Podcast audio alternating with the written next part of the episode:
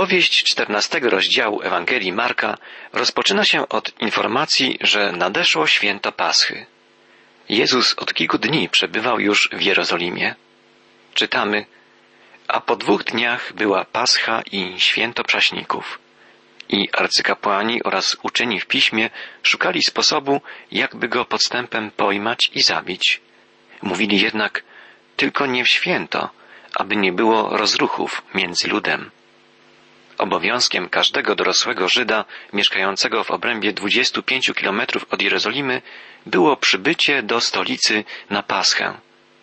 Ale Izraelici schodzili się ze znacznie większych odległości.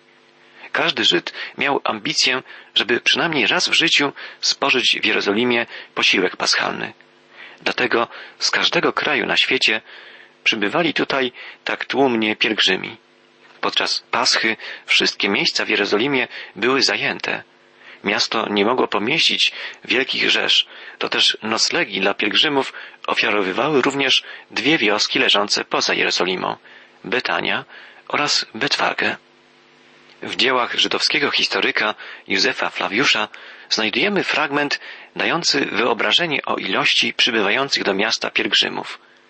Flawiusz pisze, że gubernator Palestyny około 65 roku naszej ery miał trudności z przekonaniem Nerona o wielkim znaczeniu religii żydowskiej.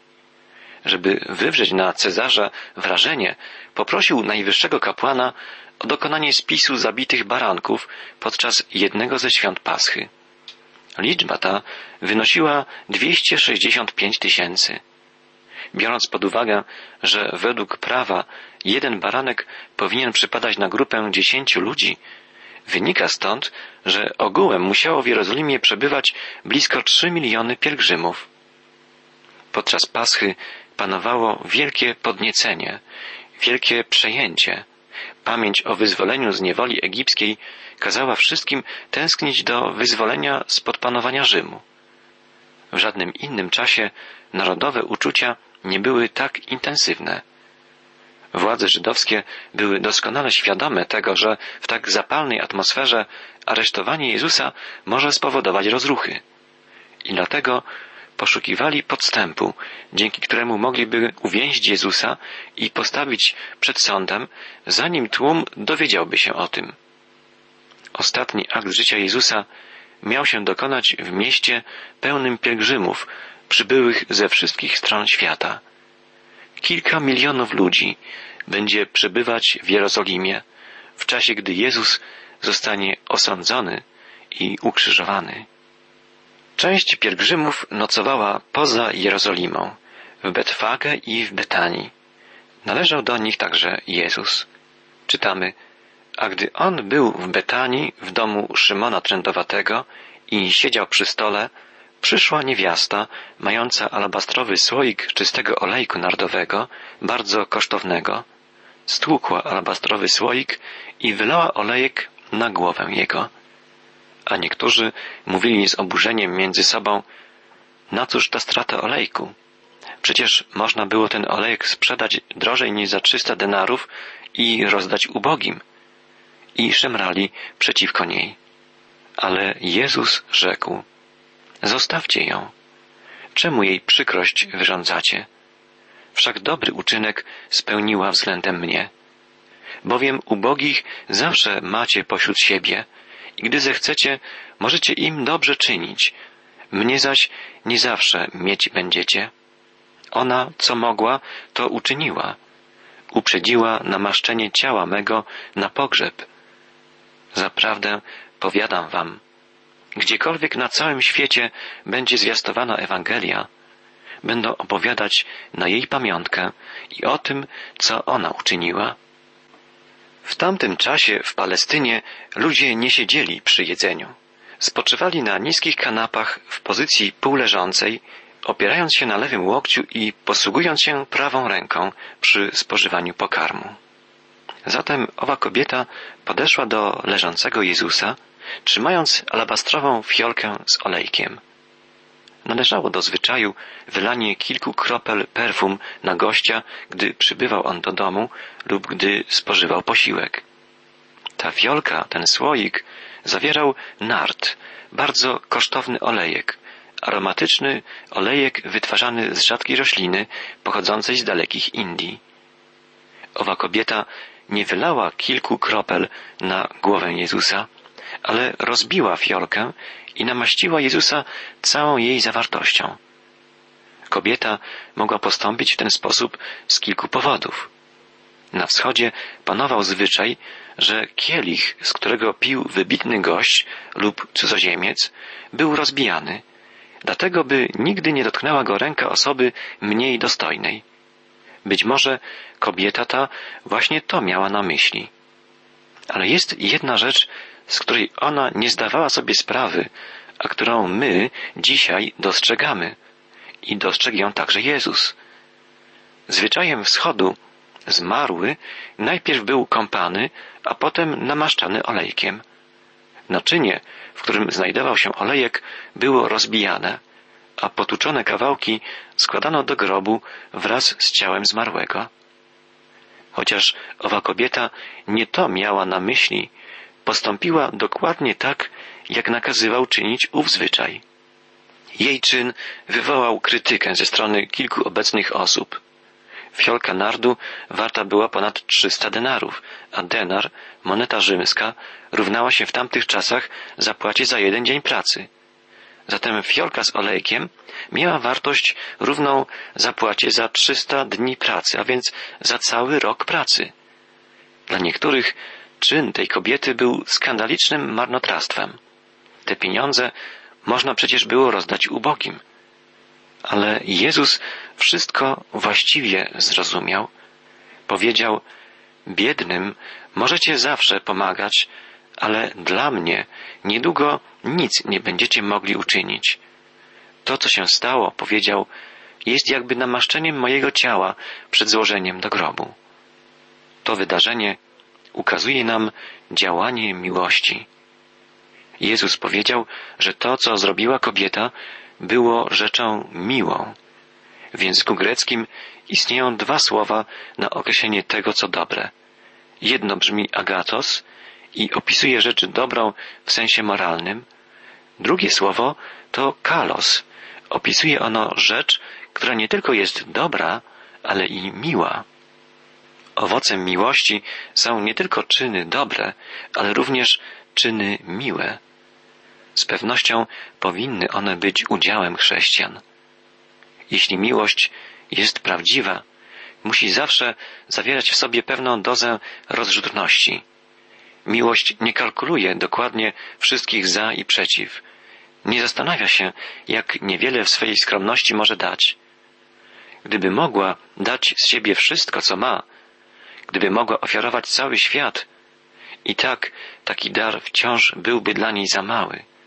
W miłości tkwi chęć oddania, która nie pozwala liczyć się z kosztami. Miłość potrafi dostrzec istnienie czynów, których dokonanie możliwe jest tylko raz w życiu. Jedna z tragedii naszego życia polega na tym, że chociaż czasem jesteśmy skłonni do zrobienia czegoś pięknego i wspaniałego, to jednak tego nie robimy. Może dlatego, że jesteśmy zbyt nieśmiali, albo że czujemy się niezręcznie. Być może po chwili namysłu decydujemy się obrać drogę wskazaną przez rozwagę i zdrowy rozsądek. Dzieje się tak w najprostszych sprawach. Na przykład impuls do wysłania listu z podziękowaniami, czy myśl, żeby powiedzieć komuś o naszej miłości, wyrazić mu naszą wdzięczność, albo impuls do dania komuś prezentu lub do powiedzenia czegoś szczególnie miłego. Tragedia tkwi w tym, że taki impuls bardzo często bywa zduszony w zarodku.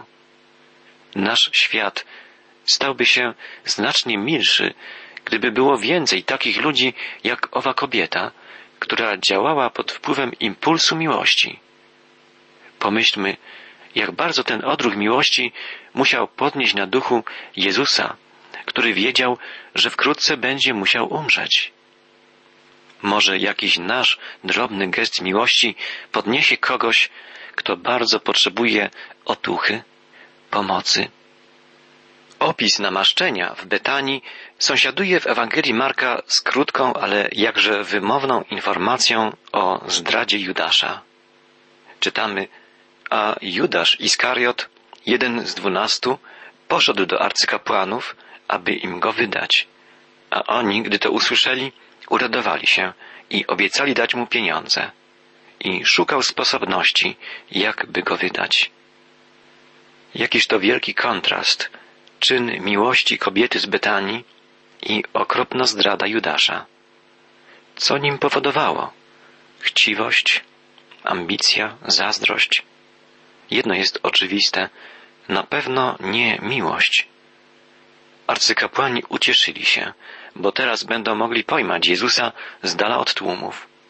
Tymczasem wszyscy przygotowują się do nadchodzącej Paschy. A w pierwszy dzień prześników kiedy zabijali baranka wielkanocnego, zapytali go uczniowie jego, gdzie chcesz, abyśmy poszli i przygotowali ci wieczerzę paschalną?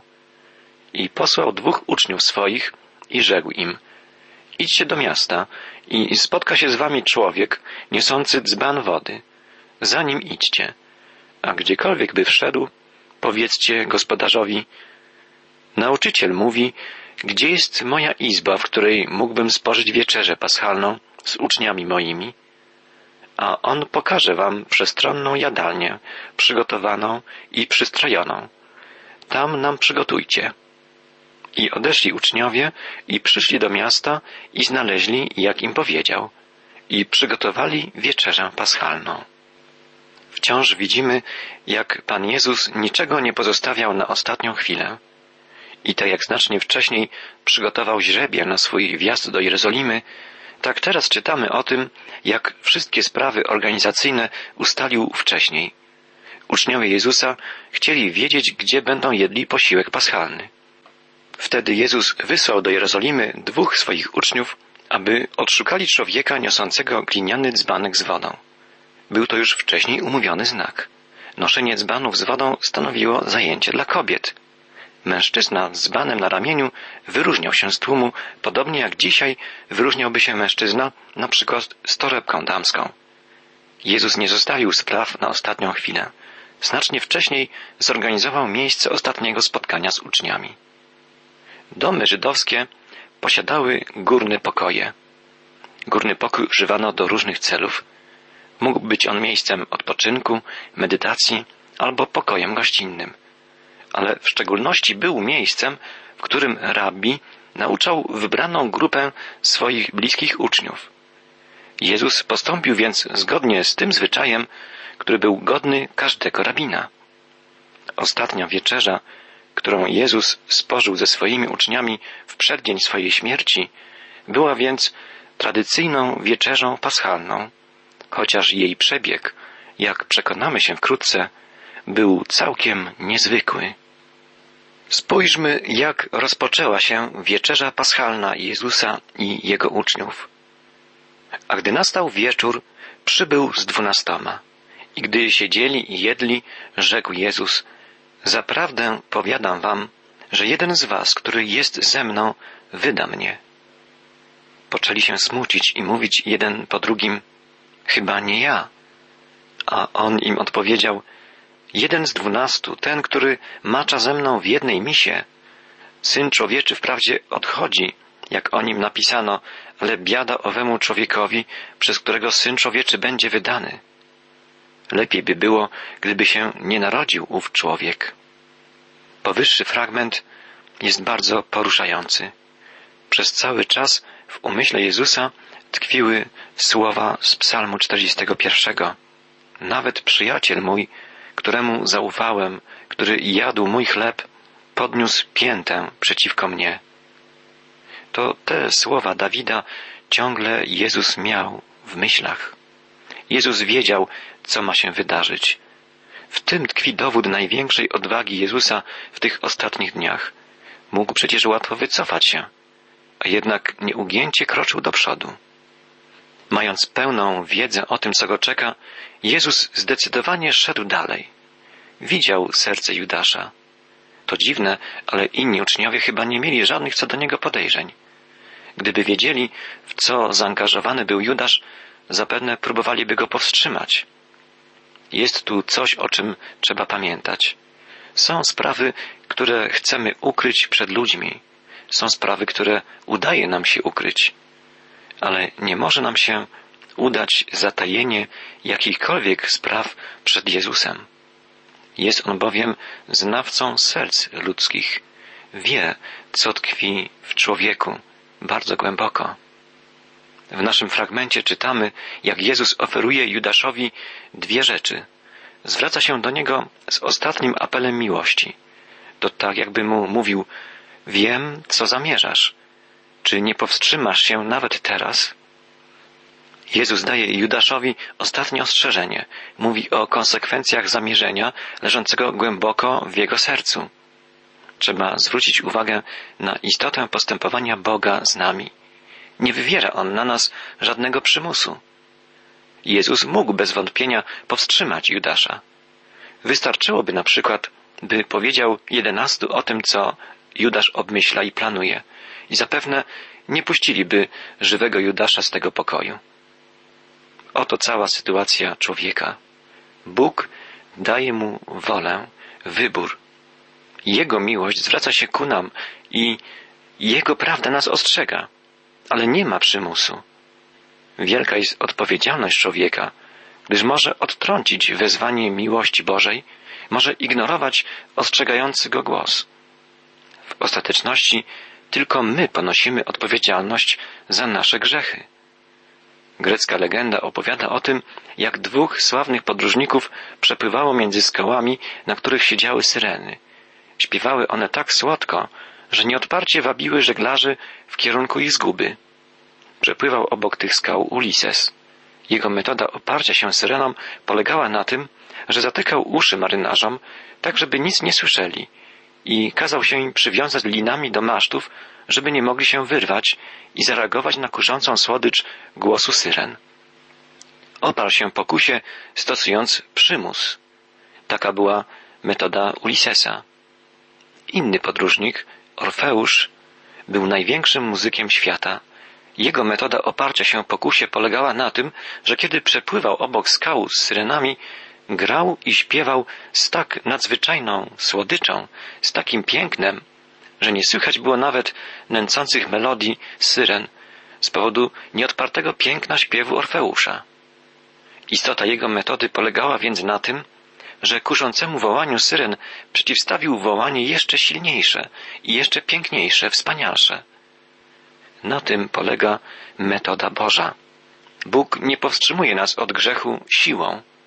Stara się tylko, abyśmy Go kochali tak bardzo, by Jego głos stał się dla nas słodszy, piękniejszy niż wszystkie te głosy, które nas od Niego odciągają. Bóg wzywa nas do posłuszeństwa w imię miłości. Pragnie, byśmy i my Go pokochali. On nie przymusza nas do niczego, ale pragnie, byśmy z wszystkich pięknych wartości wybrali tę najpiękniejszą Jego miłość.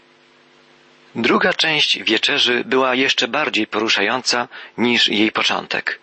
Czytamy, a gdy oni jedli, wziął chleb i pobłogosławił, łamał i dawał im i rzekł, bierzcie, to jest ciało moje.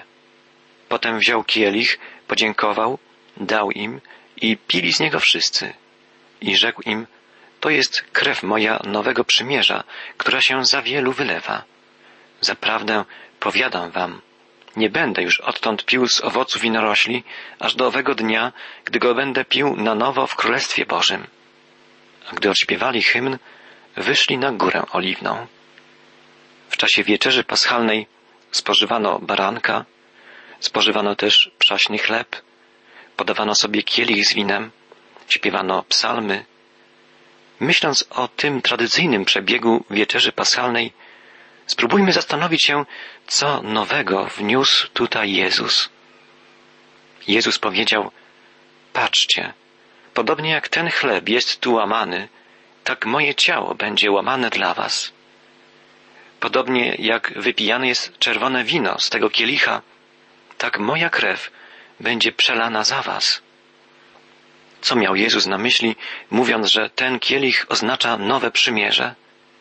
Słowo przymierze było popularne w religii żydowskiej, której fundamentem był fakt, że Bóg zawarł przymierze z Izraelem. Słowo to oznacza coś podobnego do umowy, mówi o wzajemnej zależności. W księdze wyjścia czytamy o zawarciu Starego Przymierza. Widzimy, że było ono całkowicie zależne od przestrzegania przez Izrael prawa. Jeśli prawo zostało złamane, zerwane było przymierze, a stosunki między Bogiem i narodem ulegały zniszczeniu. Była to zależność całkowicie oparta na prawie i na posłuszeństwie wobec tego prawa. A ponieważ nikt nie potrafi w pełni przestrzegać prawa Bożego, ludzie zawsze nie dotrzymywali umowy. Ale Jezus mówi tutaj, wprowadzam i zatwierdzam nowe przymierze, nowy rodzaj stosunku pomiędzy Bogiem a człowiekiem. Nie zależy on już od prawa, ale od mojej krwi, którą przeleję za was. Oznacza to, że przymierze nowe opiera się wyłącznie na miłości. To nowe przymierze jest stosunkiem pomiędzy człowiekiem i Bogiem, który nie zależy od wypełniania prawa, ale od miłości. Jezus mówi niejako, to co czynię, ma wam pokazać, jak bardzo Bóg was kocha. Ludzie nie będą już więcej znajdowali się po prostu pod prawem Bożym. Z powodu tego, co Jezus uczynił i powiedział, będą oni na zawsze w zasięgu miłości Bożej. I to jest najbardziej istotne znaczenie słów Jezusa, wypowiedzianych w czasie ostatniej wieczerzy. To przypominamy sobie za każdym razem, gdy przystępujemy do stołu Pańskiego. Bóg tak nas umiłował, że posłał swego Syna, aby złożył On w ofierze za nas swoje ciało, aby przelał za nas swoją krew. Jezus wiedział, że musi umrzeć, wiedział, że czeka go krzyż, ale nie zawahał się, żeby pójść i zapłacić cenę za moje i Twoje grzechy, abyśmy mogli doświadczyć cudownej łaski i miłości Bożej.